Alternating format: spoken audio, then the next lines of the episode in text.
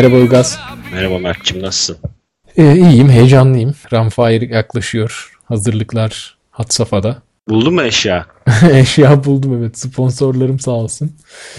Ilgaz kuru yazıcı sponsorluğunda hazırlığımız son noktalarına geldi. Gramaj hesabıyla devam ediyoruz işte. Vay. Yani şu ayakkabının bağcığını tartacağınıza 1-2 kilo verseniz ne kadar ferahlayacaksınız ama yanlış işlerle uğraşıyorsunuz. Neyse. ya ben aslında epey bir kilo verdim. Bundan daha fazla verirsem çok acayip olacak artık. O yüzden hani şey GPS cihazının daha küçüğü daha hafifi var mı diye arkadaşlara sormakla geçiyor zamanımız. Ya sen şu saçı sakalı kessen yanına var ya radyo bile, televizyon bile olabilirsin ama neyse dur bakalım. Bu hafta e, istersen böyle küçük e, haberle başlayalım. Aslında önce şeyi konuşalım değil mi? E, unuttuğumuz bir mevzu var e, ülkemizden yani arkadaşlarımızdan diyelim daha doğrusu arkadaşlarımızdan dünya çapında büyük ultralar koşan insanlar var. Onlardan bahsetmeyi unuttuk uzun zamandır. Evet geçen hafta 6 saat işine takıldık. Evet evet. Hatta o 6 saat yarışına da geldi değil mi arkadaşlarımızdan bir tanesi? Mustafa abi geldi de evet. 5 saatte bıraktı kısa kesti.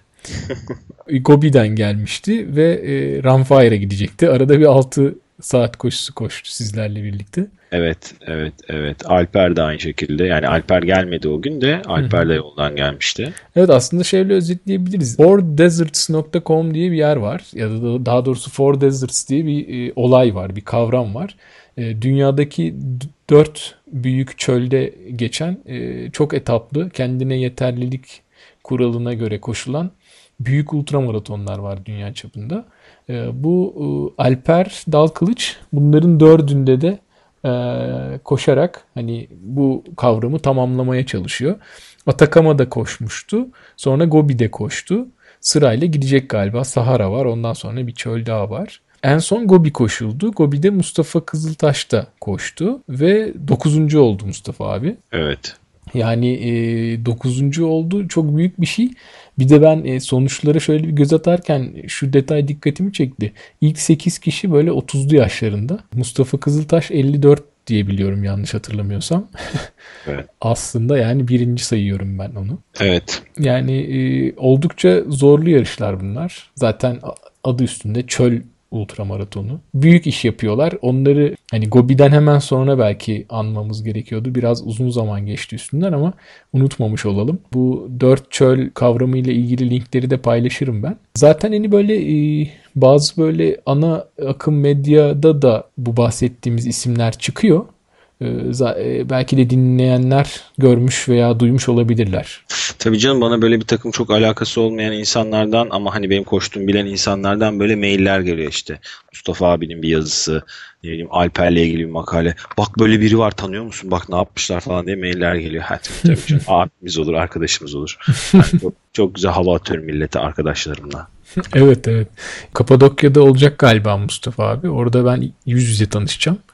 E, daha önce internet üzerinden tanışıklığımız var ama e, orada biraz böyle e, deneyimlerinden, anılarından bir şeyler öğrenmeye çalışacağız. Mustafa abi zaten bir startta görüyorsun sonra bir de kürsüde görüyorsun. evet ya. Belki ilk gün çok hızlı koşarak e, eşlik etmeye çalışıp sonra yarışı bırakabilirim.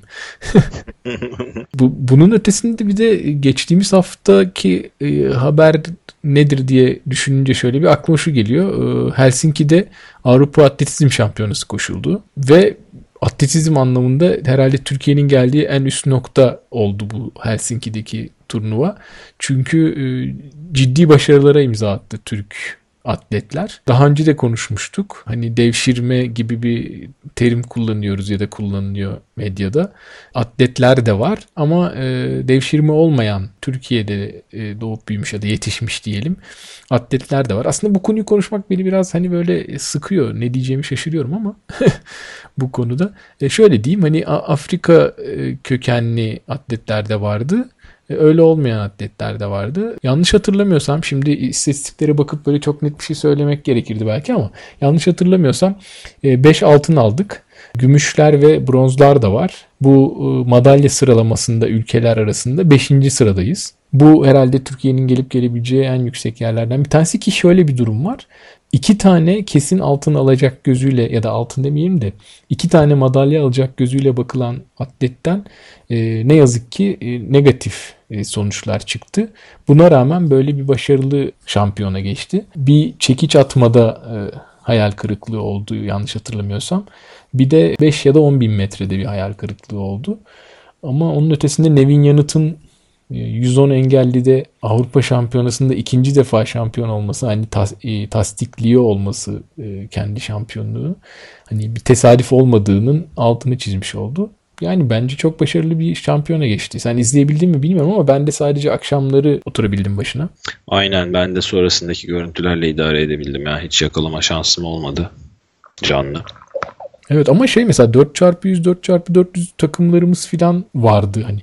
E, belki yarı final ya da e, ilk tur elemelerinde elendiler ama hani şunu hatırlıyorum ben. Eskiden böyle 4x100 4x400 gibi takımlar çıkartmak çok zor. 4 4 tane 400'cü çıkarabilmek bile sıkıntıydı Türkiye'de. Şimdi onlar var. Belki bir, bir sonraki şampiyonada yarı finale ya da finale kalacaklar. Ee, tabii hani bu, buralarda böyle bir ekol yakalamak zordur. Ama yakalarsak güzel olacak diye düşünüyorum. Ben 4x100'ü seyrederken acayip bir şey takıldı kafama. Sana da sorayım bakalım ne diyeceksin. Sen şimdi 4x100 koşuyorsan virajda mı almak istersin? Bayrağı düzlükte mi? Onu şey yapıyorlar ya. Yani her atletin kendine özgü bir e, şey oluyor. Özel yani nasıl diyelim? Her atletin iyi yapabildiği bir yer var. Mesela az önce şeyi dinliyordum tesadüfen. E, bu Fransız Lemaitre var ya 10, 10 saniyenin altına inen ilk beyaz e, sprinter. Şey diyordu. E, Johan Blake iyi bir 200 metreci değil çünkü virajları iyi alamıyor diyordu. Şimdi e, onların arasında da böyle şeyler var galiba ayrımlar var. Hani virajı iyi alabilen veya hani düzde çabuk hızlanabilen, iyi start alan, sonu iyi getiremeyen filan gibi. Onlar biliyorlardır o dört kişiden hangisi virajda iyi onları kullanıyorlardır. İşte böyle 400 metre falan koşunca bunlarla uğraşıyorsun ve virajı dönemiyor. Onun ay ayakkabısı iyi kayıyor. Evet ben e, bu şampiyonaları izlerken eşimle hep böyle e, kısa mesafe yarışlarını şey yapıyorum biraz böyle küçümser bakıyorum. Hani uzun mesafeciyiz ya kendimizce. Diyorum ki ya bu ne 10 saniyede başlayıp bitiyor böyle şey mi olur işte aylarca hazırlan. Şöyle 2 saat koşacaklar ki bir şey olacak diye. Keyifli olacak diye. E, tabii hani bu işin şakası bu adamlar da çok ciddi canavar antrenmanlar yapıyorlar bambaşka bir dal. Tamamen aslında şey beni en çok etkileyen kısa mesafe yarışları engelli yarışlar. Çünkü çok teknik bir dal ve evet. yani izlerken bile böyle ağzım açık hayran kalarak izliyorum. Hani yavaş çekimde gösteriyorlar böyle 3 adım atıp ondan sonra bir engel atlayıp tekrar bir 3 adım atıp ve bunu en hızlı şekilde yapmaya çalışıyorlar. Engeller de çok alçak değil ciddi yüksek engeller. Evet.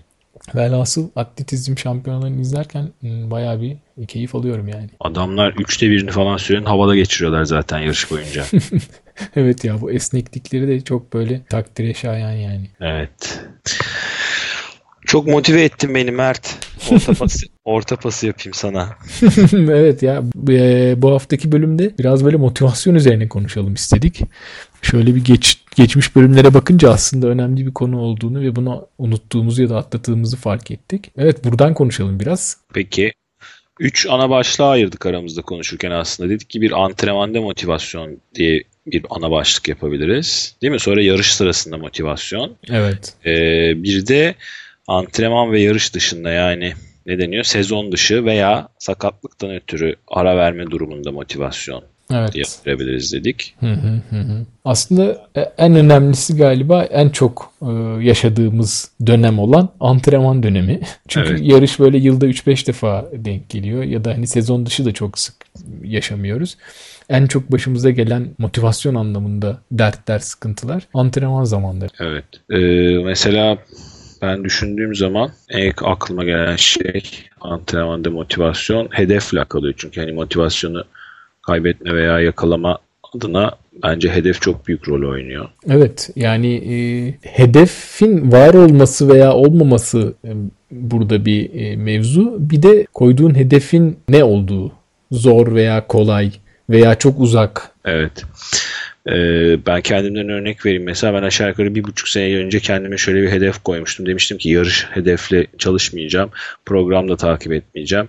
Her hafta bir tane maraton koşacağım. Arada bir tane ultra koşacağım dedim. Onu yazdığımdan beri daha bir kere bile 42 kilometreye çıkmış değilim. bir tane ultraya girdim arada. Evet onu da yarım bıraktım izlikte. Onu da yarışta motivasyon konusunda konuşuruz. E, peki şey yani e, bu hedefsizlik sana iyi geliyor mu diyebiliriz, iyi gelmiyor mu diyebiliriz bu durumda? Atletik anlamda hiç iyi gelmiyor düşündüğün zaman. Zihinsel anlamda ise çok rahat ve iyisin. Tabii canım süper rahatım. Ama şey yani hani baktığın zaman bir temponun içine girip belli bir çıta yükseltme çabası içinde bir şey yapmadığın zaman e, gerilemesen bile yerinde sayıyorsun. Yani hani atletik anlamda bir ilerleme kaydetmek çok mümkün olmuyor en azından benim adıma. Hı hı. Ee, yani hani programsızlık daha doğrusu şöyle ben programın çok sosyal hayata yansımasından birazcık yoruldum ve sıkıldım da o yüzden birazcık bu program işinden de uzaklaştım. Bir de artık ben olayın adını kendimde şey koymuştum. Hani öyle motive ediyordum kendimi. Yani bir hedef değil de bu bir hobi ve yaşam tarzı demeyeyim de ne diyelim. Yani günün ayrılmaz bir parçası olsun. Artık bu bir araç değil amaç haline gelmiş olsun. Yani hmm. bir yarış için antrenman yapıyor olmayayım da ben keyif için koşuyor olayım. Bir onu Hafta sonları ormana gitmek mesela uzun süre ormanda koşmak benim için tek hedefti. Hala da aslında öyle düşününce. Çünkü ormanda koşmayı sevdiğimi fark ettim. Hani şehir içinde çıkıp sabahları veya akşamları 10 kilometre, 15 kilometre, 20 kilometre koşmak çok keyif vermiyor bana artık. Sıkılıyorum. O böyle antrenman gibi geliyor çünkü. Ötekisi daha hobi gibi geliyor. Daha böyle güzel geliyor. Ama iki şey var aslında. Biri hedef olup olmaması. Biri de bu hedefe bağlı olarak bir program yapıp onu takip ediyor olup olmamak. Yani hedefin olup programın olmayabilir. E, her ikisi birden olabilir veya her ikisi birden olmayabilir. Ya da hedefin olmayıp programın olabilir. O, o zaten çok acayip bir durum ama ee, yani buradaki kombinasyonları biraz böyle irdelemek lazım. Yani sen hem programın olmasını istiyorsun hem hedefin olmasını istiyorsun ama bir yandan koşuyorsun. Bu da senin açından hiçbir sorun teşkil etmiyorsa aslında e, bence e, tamamen uygulanabilir ve güzel bir şey. Yani şöyle sorunlar teşkil ediyor. Mesela 8 kilo aldım bu işe geçeli beri. Haftada 20 kilometre koştuğum haftalar da oldu. 50-60 kilometre koştuğum haftalar da oldu. Hiç koşmadım haftalar da oldu. Yani düzensizlik anlamında bence sakat iş. Hani çok da o kadar savunamayacağım ikisinin birden olmamasını. Yapıyor hmm. muyum? Yapıyorum. Yani hani ben şu anda öyle bir yolda mıyım? Evet ama tavsiye etmiyorum ve kendimi de çok fazla onaylamıyorum o anlamda. Evet. Ama çözümü ne çaresi ne bilmiyorum. Çünkü dediğim gibi yani hani şöyle aman şu yarış var bu yarış var deyip yani aslında demin bahsettiğim başka bir şey var daha zor diye.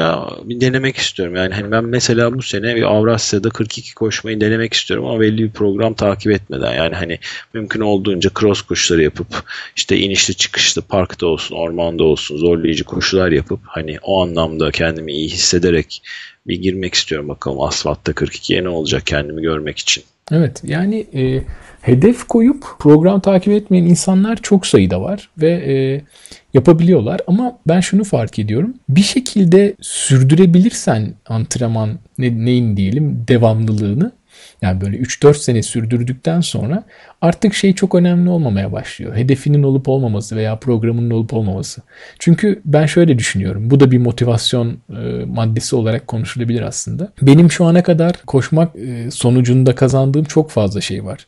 Ve koşmadığım zaman bunları kaybetmeye başlıyorum ya. Artık hani hedefim olmasa, programım da olmasa hep şöyle bir şey var. Yaptığım bu yatırım birikimi kaybetmemek adına e, her gün antrenmana çıkarım zaten. Ki keyif alıyorum o ayrı bir mevzu. Keyif almadığın durumda bile hani kaybetmemeye çalıştığın elinde biriktirmiş olduğun bir kazanç var.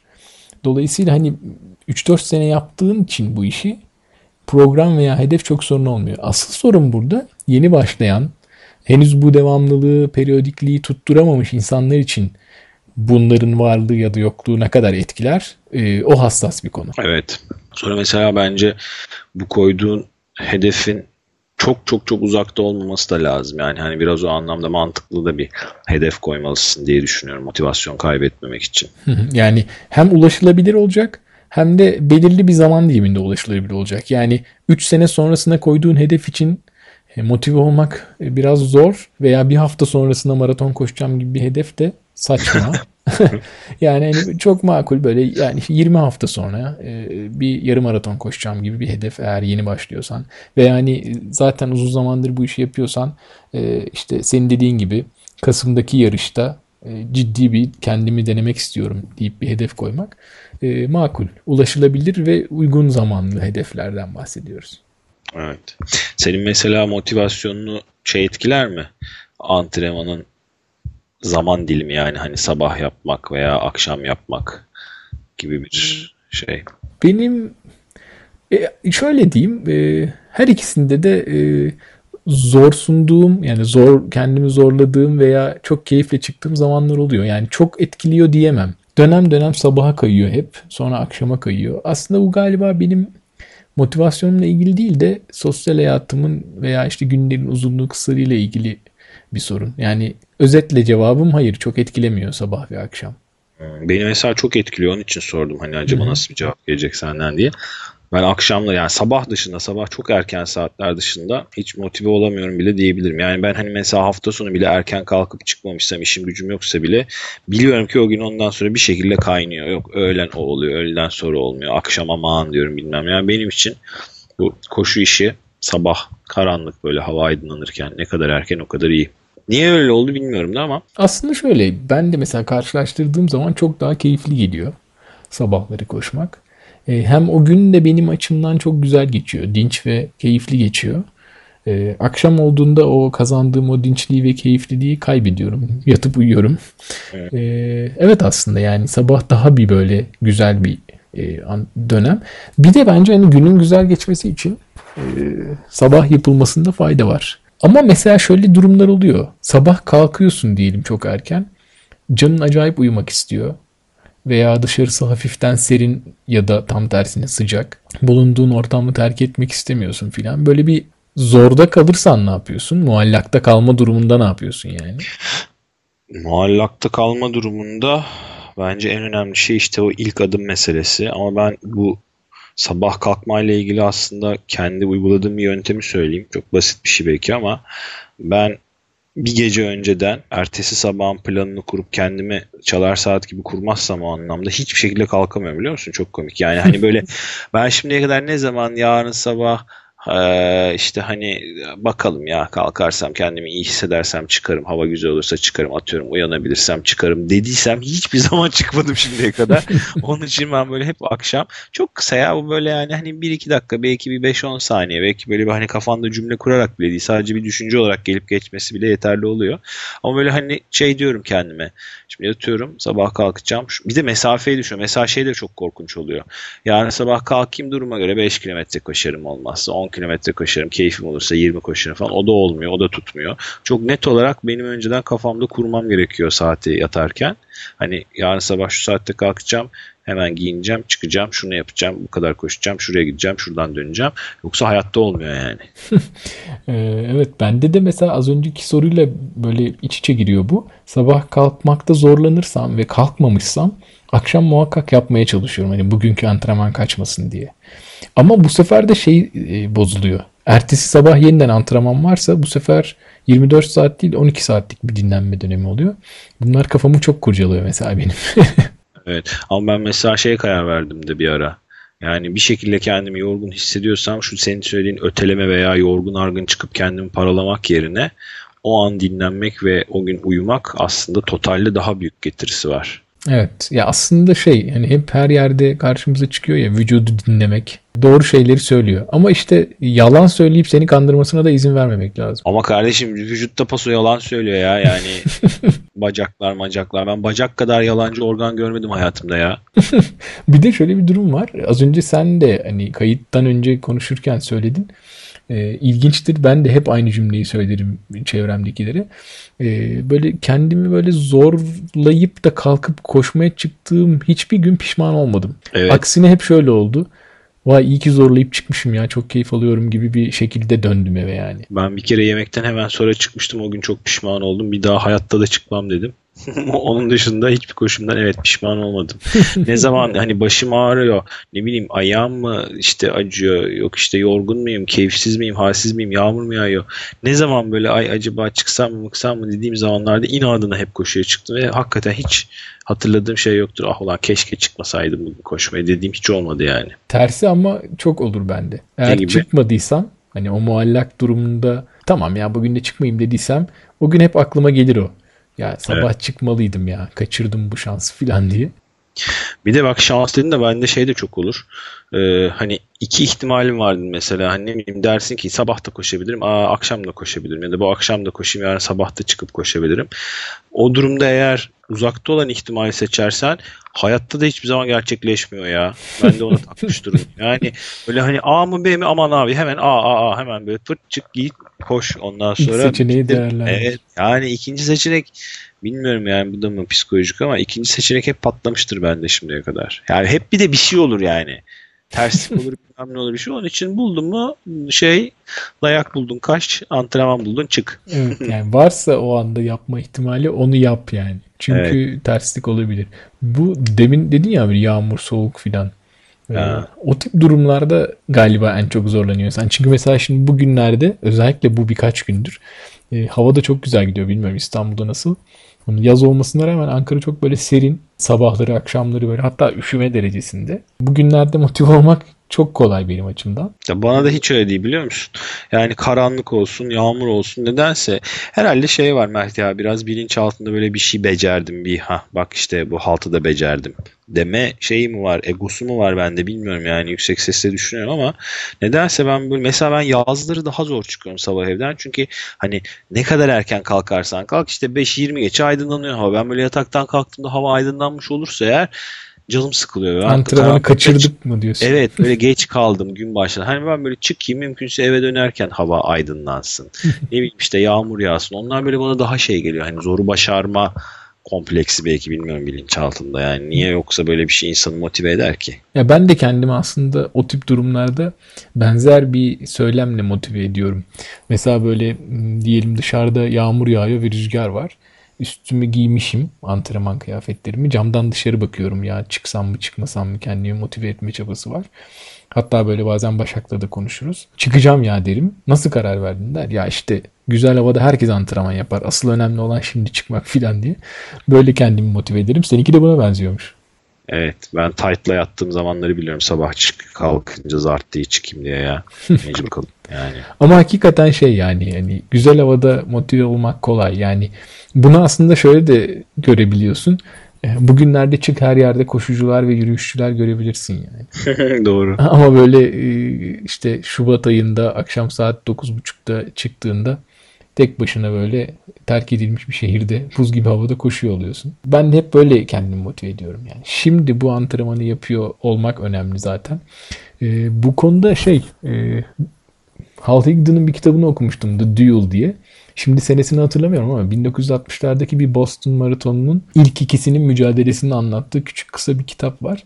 Bu iki kişiden birisi yokuşlu yollarda böyle fırtınada, buzda filan çalışırken hep şeyi düşünürmüş.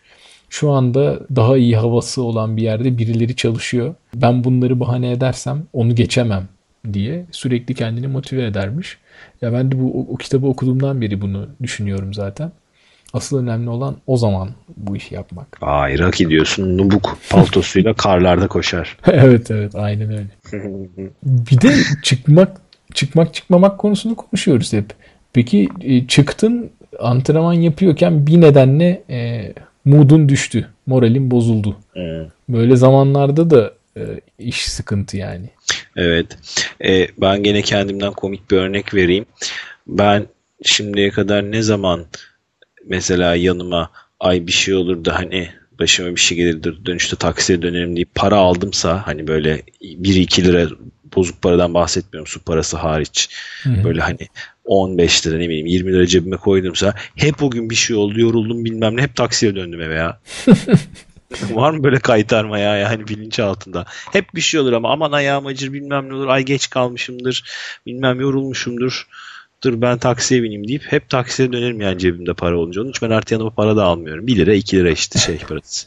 işte parası. o şey değil mi? Hani moralin bozuldu, motivasyonun düştü, o yorgun hissetme durumu vesaire hep onlar e, bu motivasyon kaybından kaynaklanıyor. Tabii canım işte açık kapı bıraktım mı tıkırt diye başlıyor hemen bilinçaltı oradan kaçmaya. Bende de mesela benzer bir şey e, eve yakın olan parkurda koşarken hep şeyi düşünüyorum Burada koşarsam hani bu tip bir motivasyon kaybında ve moral bozulmasında hemen eve dönmek çok kolay olduğu için e, antrenman 20 kilometre ise evden uzaklaşacak şekilde 10 kilometre uzağa gitmek gibi bir seçeneği tercih ediyorum. ben de yapıyorum onu. Değil mi? Yani böylece şey hani ne kadar evet. uzakta moralin bozulursa o kadar çok antrenman yapmış oluyorsun. Tabii canım yani ben bir ara e, bir maraton programı yaparken hafta arası 19 kilometreler vardı. Benim evimin bulunduğu yerden de çok kabaca şöyle söyleyeyim. Evden çıkıp sola dönersen Taksim'e doğru koşup geri gelirsen 5-5-10 kilometre sağa doğru çıkıp koşarsan işte Boğaziçi Üniversitesi Hisar üstüne diyeyim oraya da git gel 5-5'ten 10 kilometre. Hani ben ne yapıyordum? Şey yapıyordum. E, diyordum önce Taksim'e koşayım geri geleyim evin önünden geçip Boğaziçi'ne gideyim oradan geri gelip 20'yi tamamlarım falan diyordum. A, ne zaman bunu yapmaya çalıştımsa muhakkak bir şey oldu. Ben hep böyle 10'da geri geldim. Çünkü evin önünden geçerken giriyorsun. Bir şey oluyor yani. İlla ki bir şey oluyor. ben gireyim ya şimdi ne gerek var diyorsun. Dönüyorsun eve yani. Evet yani e, bu antrenman sırasında moral motivasyon bozukluğuna karşı böyle önlemler var. Evet. Peki uzağa gitme uzağa git, giderek bundan kurtulma. Peki hani yanında böyle müzik vesaire gibi bir şey varsa bu seni etkiliyor mu? Yani o düşmeyi düzeltme gibi bir durumu olabiliyor. Ya ben yanıma müzik şimdiye kadar aldığım zaman ne zaman hani baştan dinlemeyip dediğin gibi düşme durumunda kafamı toplamak için müzik dinlerim diye yedek olarak müzik aldımsa İster 2 saat ister 5 saat koşuyor olayım. Hiçbir zaman müziği açmadan geri dönmüşümdür hep. Yani ben bir şekilde müzik dinleyerek sokağa çıkıp koşmaya başlarsam niye bilmiyorum ama ondan sonra devam ediyorum. Ama müziksiz başladığım zaman da hiçbir şekilde canım müzik dinlemeye başlamak istemiyor bir süre sonra. Çok tuhaf. İlginç. Ben de şey o gün çıkarken bilirim yani. Bugün ihtiyacım var. Bugün iyi olur bugün keyfime keyif katar veya bugün beni ancak bu götürür diye ha. alırım. Bu eskiden çok oluyordu. Son dönemlerde iyice azaldı. Çok fazla taşımıyorum yanımda ama mesela daha mesela bu sabah aldım. Çünkü böyle canım şey e, biraz böyle müzik dinleyerek koşmak istiyordu. E, ama şey e, eğer böyle performansa yönelik bir antrenman yapacaksam hani böyle kendimi zorlamam gereken bir antrenmansa bu genelde beni bende işe yarıyor yani. Hani böyle hızlı ve hoşuma giden müzikler dinlediğim zaman o antrenmanlar daha böyle iyi çıkıyor. Ben genelde koşmak için müzik dinlemiyorum da bazen müzik dinlemek için koştuğum bile oluyor. Hani diyorum ki ben bir saat falan koşacağım şimdi 10 kilometre koşayım ama şu albümde ne zamandır dinlemiyorum ya da yeni bir albüm hani bir şekilde çıkmıştır bir şeydir. Ay şunu bir baştan sona dinleyeyim adam gibi dediğim oluyor. Çünkü düşünüyorum da artık normal hayat düzenim içinde doğru düzgün müzik dinleyecek çok fazla şansım olmuyor ki iş yerinde dinleyemiyorsun. Hani Zaten işe giderken benim yolum çok kısa. Akşam eve gelince evde dinleme şansı yok. Ne bileyim hafta sonu temposunda öyle bir şey. Yani hani böyle oturayım karşısına geçeyim setin müzik dinleyeyim keyifle gibi bir opsiyon çok kalmadı. Onun için bazen şey yaptığım oluyor yani. Müzik amaçlı koşuya çıktığım oluyor böyle kısa. Bir saatlik şeylerde falan bir albüm dinlediğim oluyor. Aslında mantıklı. Ben de bir dönem onu podcast için yapıyordum. Hani biz şu anda bir podcast yapıyoruz. Benim dinlediğim podcastler de var. Kayıtta mıyız biz? Onları dinlemek için kullanıyordum e, şeyi. Ya da daha doğrusu ikisi birden oluyordu. Onun zamanını doldurmak, orada kaybettiğim zamanı burada tamamlamak gibi böyle hani podcast dinlemek için koşuya çıktığım olmuştu ama senin dedi söylediğin gibi. Evet ben bir kere koşu bantında hatta kitap okumayı denedim kusuyordum. o zor ya gerçekten zor. Okunmuş kitapları dinlemek söz konusu olabilir ama onu da ben bir kere denedim. Okunmuş kitap de, dinlerken de şey oluyor böyle 3 dakika sonra kendini şey buluyorsun. Dalmış gitmiş buluyorsun. Adam 10 dakikadır kitap kitap okumuş oluyor. Şimdi geri dönmek gerekiyor falan. Çünkü koşarken gözüm bir yere takılıyor da kafam düşüncelere dalıyor. O iş olmuyor. Onu biliyorum yani. ben hiç denemedim evet. Enteresan o da. Antrenmandaki motivasyon anlamında benim aklıma bir de şu geliyor. Ee, sonradan antrenmanı bir yere girip paylaşıyorum ya da hani bir listem var antrenmanlarımı tuttuğum orada görüyorum. Bunlar da beni motive ediyor. Yani hani e, geriye dönüp baktığımda mesela Daily Mail'daki antrenman kayıtlarıma, antrenman şeyime baktığımda grafiğime hani bir ay veya bir hafta çok düşük çıkıyorsa bu beni kötü etkiliyor. O grafikler benim bu anlamda çok hoşuma gidiyor. Ya da hani hafta sonunda şeyi gönderiyor ya sana. Bu haftaki antrenmanın şu kadar kilometreydi, şu kadar saat koştum falan gibi. Onları görmek beni motive ediyor. Düşükse ciddi şey oluyorum. Gelecek hafta çok daha motive bir şekilde çıkıyorum. O yüzden bu şey e, bir yerlere kaydetmek veya birileriyle paylaşmak birilerinin yaptığı antrenmana yorum yazıyor olması beni motive ediyor. Evet o anlamda paylaşım bence iyi bir şey çünkü bir de geri dönüş alıyorsun insanlardan. Ha şu da oluyor başkalarının güzel antrenmanlarını görmek de motive edebiliyor. Ha bak o da evet yani sen paylaşıyorsun bir de başkalarının paylaştığını görmek doğru haklısın aslında. Bak bununla ilgili bir şey söyleyeyim mesela ben gene kendimden örnek vereyim. Hani beni ne motive ediyor diye. Şeyler beni acayip gaza getiriyor ya. Bir kaya tırmanışı ama bu hani ipsiz çıkıyorlar ya. ipsiz tırmanışçıları oturup seyretmek nedense beni koşu konusunda acayip gaza getiriyor. Bir de şeyler çok gaza getiriyor. Bu hani e, şeylerden kayalıklardan falan atlayıp bu wingsuitlerle paraşüt açmadan belli bir miktar hmm. uçuyorlar ya böyle kaya. Hani nedense o konu ama mesela şey değil ne bileyim hani snowboard seyretmek değil öyle adrenalin yüksek şey olarak düşündüğün zaman. Ama yani bu hani kaya tırmanışını falan ben böyle oturup bir ara deli gibi DVD'ler topluyordum. Filmleri indiriyordum. Onları seyrediyorum. Nedense benim böyle şey yapıyor hani birilerinin böyle cesurca bir şeyler yapıyor olduğunu görmek çok gaza getirebiliyor koşu konusunda. Ya aslında onlar birer meydan okuma ya hani senin de sonuçta hedeflerin birer meydan okuma. Belki böyle bir bağlantı olabilir. Ben de koşuyla ilgili e, böyle küçük videolar veya bir şeyler e, izlediğimde çok motive oluyorum. Mesela dönüp işte atıyorum 1998 Dünya Şampiyonası'nda 10.000 metre finalinin böyle son e, bir kilometresini seyretmek çok şey yapıyor beni. Gaza getiriyor. Koşu seyretmek beni gaza getirmiyor ya koşu konusunda. İlginç yani e, mesela işte e, bilmem kimin e, uzun antrenmanı diye böyle küçük bir video yapmışlar. Ünlü maratoncu X diyelim. Onu seyretmek beni mesela gazı getiriyor. Adamın böyle yaptığı antrenman türü ya da koştuğu yerler vesaire. Evet. Bunlar böyle feyz verebiliyor. Evet. Ee, dergi kitap takibi de mesela beni çok motive ediyor. Yani özellikle benim bu ultramaraton işini kafamda tamam canım ben bunu yaparım dememdeki en büyük motivasyon kaynaklarından biri e, şeydir bir Amerikan menşeili ben bir dergiye abone olmuştum Ultra Running diye. Onda da bir sürü yarış raporu çıkıyor içinde. Fotoğraflar çıkıyor. Hani orada o işleri yapan böyle 100 mil koşan insanların fotoğrafları var mesela böyle yani. Senin benim gibi normal sokakta gördüğün insanlar gibi gayet mutlu, sakin böyle. Hiç böyle hani süper kahraman gibi gözükmeyen adamlar. O mesela çok motive edici olabiliyor benim için. Yani o insanların o işi yaptığını görmek, bilmek evet. veya okumak. Ya özetle şey değil mi? Hani böyle bir meydan okuma hikayeleri, dergi olsun, kitap olsun, video olsun, film, belgesel olsun insanı antrenman için motive ediyor ve şey hani bunu bu aslında kullanılabilir. Bir şekilde motivasyon düşüklüğü varsa antrenmana yönelik böyle e, şeyler, kaynaklar kullanılabilir. Mesela bir herhangi bir şey, yeni bir ayakkabı, yeni bir çanta, ne bileyim yeni bir short falan da bazen motive edici olabilir. insanı gaza getirebilir. Sırf ayakkabı uğruna evden çıktım bilirim ben ya. Evet yeni bir ayakkabı aldım bunu deneyeyim filan. Evet. bunda bunda bir 20 kilometre yapayım bakayım ne oluyor diye. Evet aslında. Evet. Bu bunlar antrenmanda motivasyonu destekleyen şeyler. Ee, ben antrenmandaki motivasyonla doğrudan ilişkili midir bilmiyorum ama bu e, antrenman düzenini bozmamakla ilgili böyle bir yazı yazmıştım e, antrenman düzeninizde kırık pencereler olmasın diye. E, evet. Koşu gazetesine de koymuştum bunu.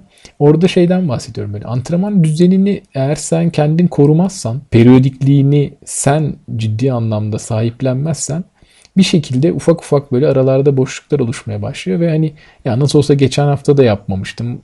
Ya da geçen ayda 100 kilometreyi geçememiştim. Önemli değil. ileride yaparım falan gibi. Böyle hani antrenman düzenini bozmaya başladığın zaman bu iş kötüye doğru gidiyor. Zaten kırık pencere benzetmesi de oradan. Terk edilmiş bir evde eğer her şey düzgünse bu evin başına bir şey gelmiyor.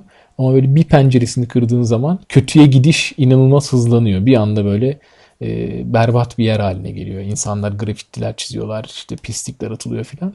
Böyle bir fenomen izlemişler. Ondan feyz alarak böyle bir yazı yazmıştım. Aslında motivasyonu bir anlamda destekleyebilir bu. Hani kırık pencere yaratmamak adına çıkıp o gün antrenmanını yapmaya çalışabilirsin. Peki tamam süper motive olduk. Canavar gibi de antrenman yaptık. Yarış geldi çattı. Yarışta nasıl motive oluyoruz Mert Bey? Yarış motivasyonu çok özel ve ayrı bir şey aslında. Yani zor bir şey. Aslında şöyle diyeyim. Yarış noktasına gitmek veya yarışın olacağı şehre seyahat etmek bile motivasyonu başlatan bir şey oluyor benim açımdan. Özellikle start alanında böyle ki kalabalığı görmek ya bu kadar insan buraya gelmiş bu işi yapmak üzere falan deyip onları rakip olarak görmeyip aksine böyle destek olarak görüp çok motive olduğumu biliyorum. Yani start noktasına gelmek beni ciddi motive ediyor. Ee, Bengay kokusu mesela motive ediyor musun? evet böyle kalabalık ter kokusu ve Bengay kokusu. ee, bir de ben en çok şey hani e, yarışın son anlarını düşünüp finish çizgisini geçtiğimi hayal ederek motive olurum. Ama asıl sorun onlar değil galiba. Yarışa başlamak değil motivasyon anlamında sorun. Asıl sorun yorulmaya başladığında ya da yarışta hedefini tutturamama hissiyatı başladığında motivasyon. Tabii canım. Yani başlayana kadar çünkü zaten şey oluyor ya bir şekilde bence o güç kudreti hissettiğin zaman zaten o dediğin gibi işte gazla hatta belki sınırların üstünde bile başlayabiliyorsun koşmaya da. Dediğin gibi hani depo boşalmaya başlayıp kafada boşalmaya başladığı zaman o zaman biraz zor olabiliyor tutturmak. Ki ben aslında motivasyon kaybında fiziksel değerlerin de yani çok etkisi olduğunu düşünüyorum hep. Hani doğru düzgün su içmemiş olmak, ne bileyim doğru düzgün karbonhidrat takviyesi yapmamak. Tabii tabii bunlar doğrudan fizyolojik olarak oluşan olaylar ve sonuçları direkt psikolojiye yansıyan olaylar yani. Tabii canım direkt karar verme yetini kaybetmeye başlıyorsun mantık. Yani başka bir mantık çalışmaya başlıyor. Mantığını kaybetmiyorsun da başka mantıklar çalışmaya başlıyor. İşte orada vücut çok güzel oyun oynamaya başlıyor zihin ya. Hı hı. Ee, işte onu yapmamak için alabileceğin önlemler işte e, su alımını işte e, öncesinde karbonhidrat alımını veya yarış sırasında e, dikkat etmek. E, bunları yaptığın halde bir şekilde moral motivasyon kaybediyorsan e, düz, bunları düzeltmek için neler olabilir? Hani senle hep konuşuruz böyle küçük ödüller koyabilirsin kendine. Belli bir mesafeye geldiğinde kendine ödül verebilirsin. Veya yine müzikle bunu başaran insanlar vardır. Ben her yarışta müzik alırım yanıma ama bazen hiç kullanmam. Bazen ihtiyacım olduğunda az önce bahsettiğim gibi öyle hızlı motive edici şeyler dinlerim. Yani bir de şey de mesela yarışta motive edici olabiliyor. Sana denk bir adam bulmak, ona takılmak veya bir grup bulmak. Onlarla belki hatta arada bir laflamak, takılmak, şakalaşmak da çok şey olabiliyor. Evet yani Kald- döndürebiliyor seni. Evet sana yakın olduğunu hissettiğin birinin peşine takılmak, onu yakalamaya çalışmak. Tabii kendi hedeflerini çok saptırmadan dediğin gibi insanı motive ediyor. Ya da yanından biri gelip geçtiği zaman hedefini çok saptırmadan ona takılmaya çalışmak ciddi motivasyon sağlayabilir. Onun dışında başka ne diyebiliriz yarışta? Mesela motivasyon kaybetmemek için hedefi daha kolaylaştırmak benim yaptığım işlerden bir tanesi. Hani yorulmaya başladığım zaman mesela pes etmeden önce şey yapmaya çalışıyorum ben. Ee, kalan mesafeyi mesela parçalara bölmeye veya bütün mesafeyi parçalara bölmeye veya hani atıyorum işte şu 5 ilerideki ağaca kadar ulaşacağım. Orada bakarız deyip bu ağaca ulaştığında işte şu karşıdaki tepenin üstüne çıkacağım deyip hani onlara böyle mesafeleri bölüp daha küçük lokmalar haline getirmek de ve sonra çünkü o lokmaların her birini bunu da becerdim bunu da başardım diye gittiğin zaman tekrar motivasyonunu kazanabiliyorsun. Evet bu başvurulan bir yöntem. Bir de hani ben çok yapmam ama böyle yanında taşıdığı bir şeye motivasyonunu bağlayanlar oluyor. Yani bir ekipman olabilir bu ya da başka bir şey.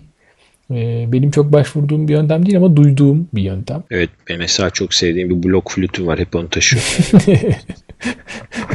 ya da böyle şey tekne e, şeyi demiri. hır hır hır. ee, ben şey istemiştim ya bir kere kızımdan bana mektup yaz demiştim. Böyle çok canım sıkılırsa kendimi kötü hissedersem çok açayım okuyayım diye. O da oturup bana mektuplar yazmıştı kalp şeklinde kesmişti kartondan sonra onu ben torbaya koymuştum ıslanmasın falan diye. Öyle şeyler hani güzel olabiliyor ne bileyim bir fotoğraf almak belki yanına. Evet. Yani, ya da Belki cep telefonu bile şey olabilir. Gerçi benim şöyle bir anım var. Ben ilk Rantalya'ya katıldığımda yanında cep telefonum vardı. Ve canım çıkmış artık 4 saat falan oluyor neredeyse. Koşuyorum böyle telefonum çaldı. Annem aradı. Ne yapıyorsun dedi. Anne koşuyorum 4 saat oldu koşuyorum hala dedim. Deli misin oğlum koşma artık o kadar. Ne koşuyorsun falan Mesela yani böyle ters tepme durumları da olabiliyor ama evet. telefon taşımakta belki hani sevdiklerinden goy goy şey almak anlamında olabilir. bir çare olabilir. olabilir. Aslında şey ya yani e, ilk başta konuştuk ya yarışta motivasyon biraz daha kolay bulunabilir bir şey. Asıl önemli olan antrenmanda motivasyon. Bir kategoride şey demiştik başlangıçta sakatlıkta veya sezon dışı motivasyon. En zoru bence ya. Ee, evet en zoru belki de üzerine çok konuşulması gerekecek ama biraz zamanımız dolmak üzere. Kısaca değinelim asıl belki sakatlıklar üzerine konuştuğumuz özel bir bölüm yaparsak orada daha çok açarız.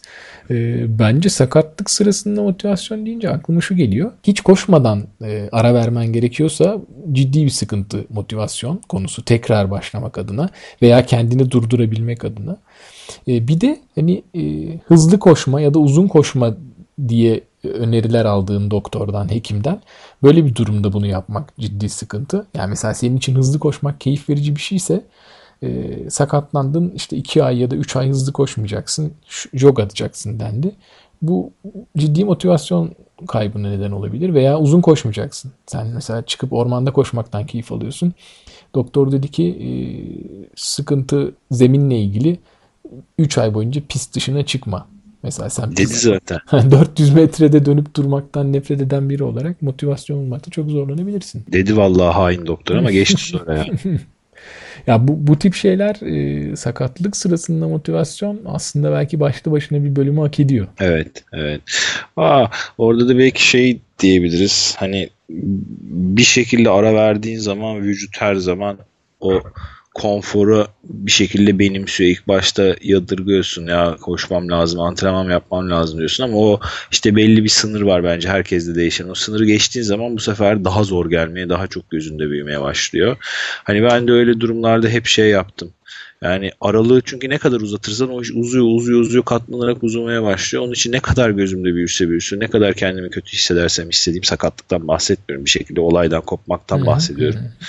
Yani bir başladığın zaman gerisi geliyor. Bir de çok komik. Bence yorgunluğu algılamak birazcık yorgunlukla da alakalı. Ben haftada 5 gün 6 gün koştuğum zamanlar tamam yoruluyorum ama Mesela 3 gün üst üste koşmayayım kendimi çok daha fazla yorgun hissediyorum. Bir şekilde yani onu vücut anlamaya başlıyor. Kendini mi dinliyorsun artık ortaya mı çıkıyor semptomlar ne oluyorsa. Hemen 3 gün koşmadığım zaman daha yorgun oluyorum her gün koştuğumdan. Evet. Daha zor geliyor bir daha başlamak. Evet yani ara verdikten sonra başlamak biraz sıkıntı. Evet. Motivasyon konusu bayağı dolu bir konuymuş. evet. Uzun uzun konuştuk. Ee, dediğim gibi bu son bölümü belki daha uzun böyle kendine has bir bölümde e, ele alırız. E, bugünlük e, burada bırakalım istersen. Tamam. Çok motive olduk. Evet gelecek hafta için ben çok motive oldum. Aa sen yoksun gelecek hafta. Evet gelecek hafta Necefli Maşrafa demiştin sen. Evet. Ee, öyle de olacak gibi görünüyor. Ama bu seferki özürümüz güzel bir özür. Ee, yarışta evet. olacağım ben. Eski bölümlerimizi dinleyebilirsiniz arkadaşlar. Kesinlikle. Hadi görüşmek üzere. İyi antrenmanlar.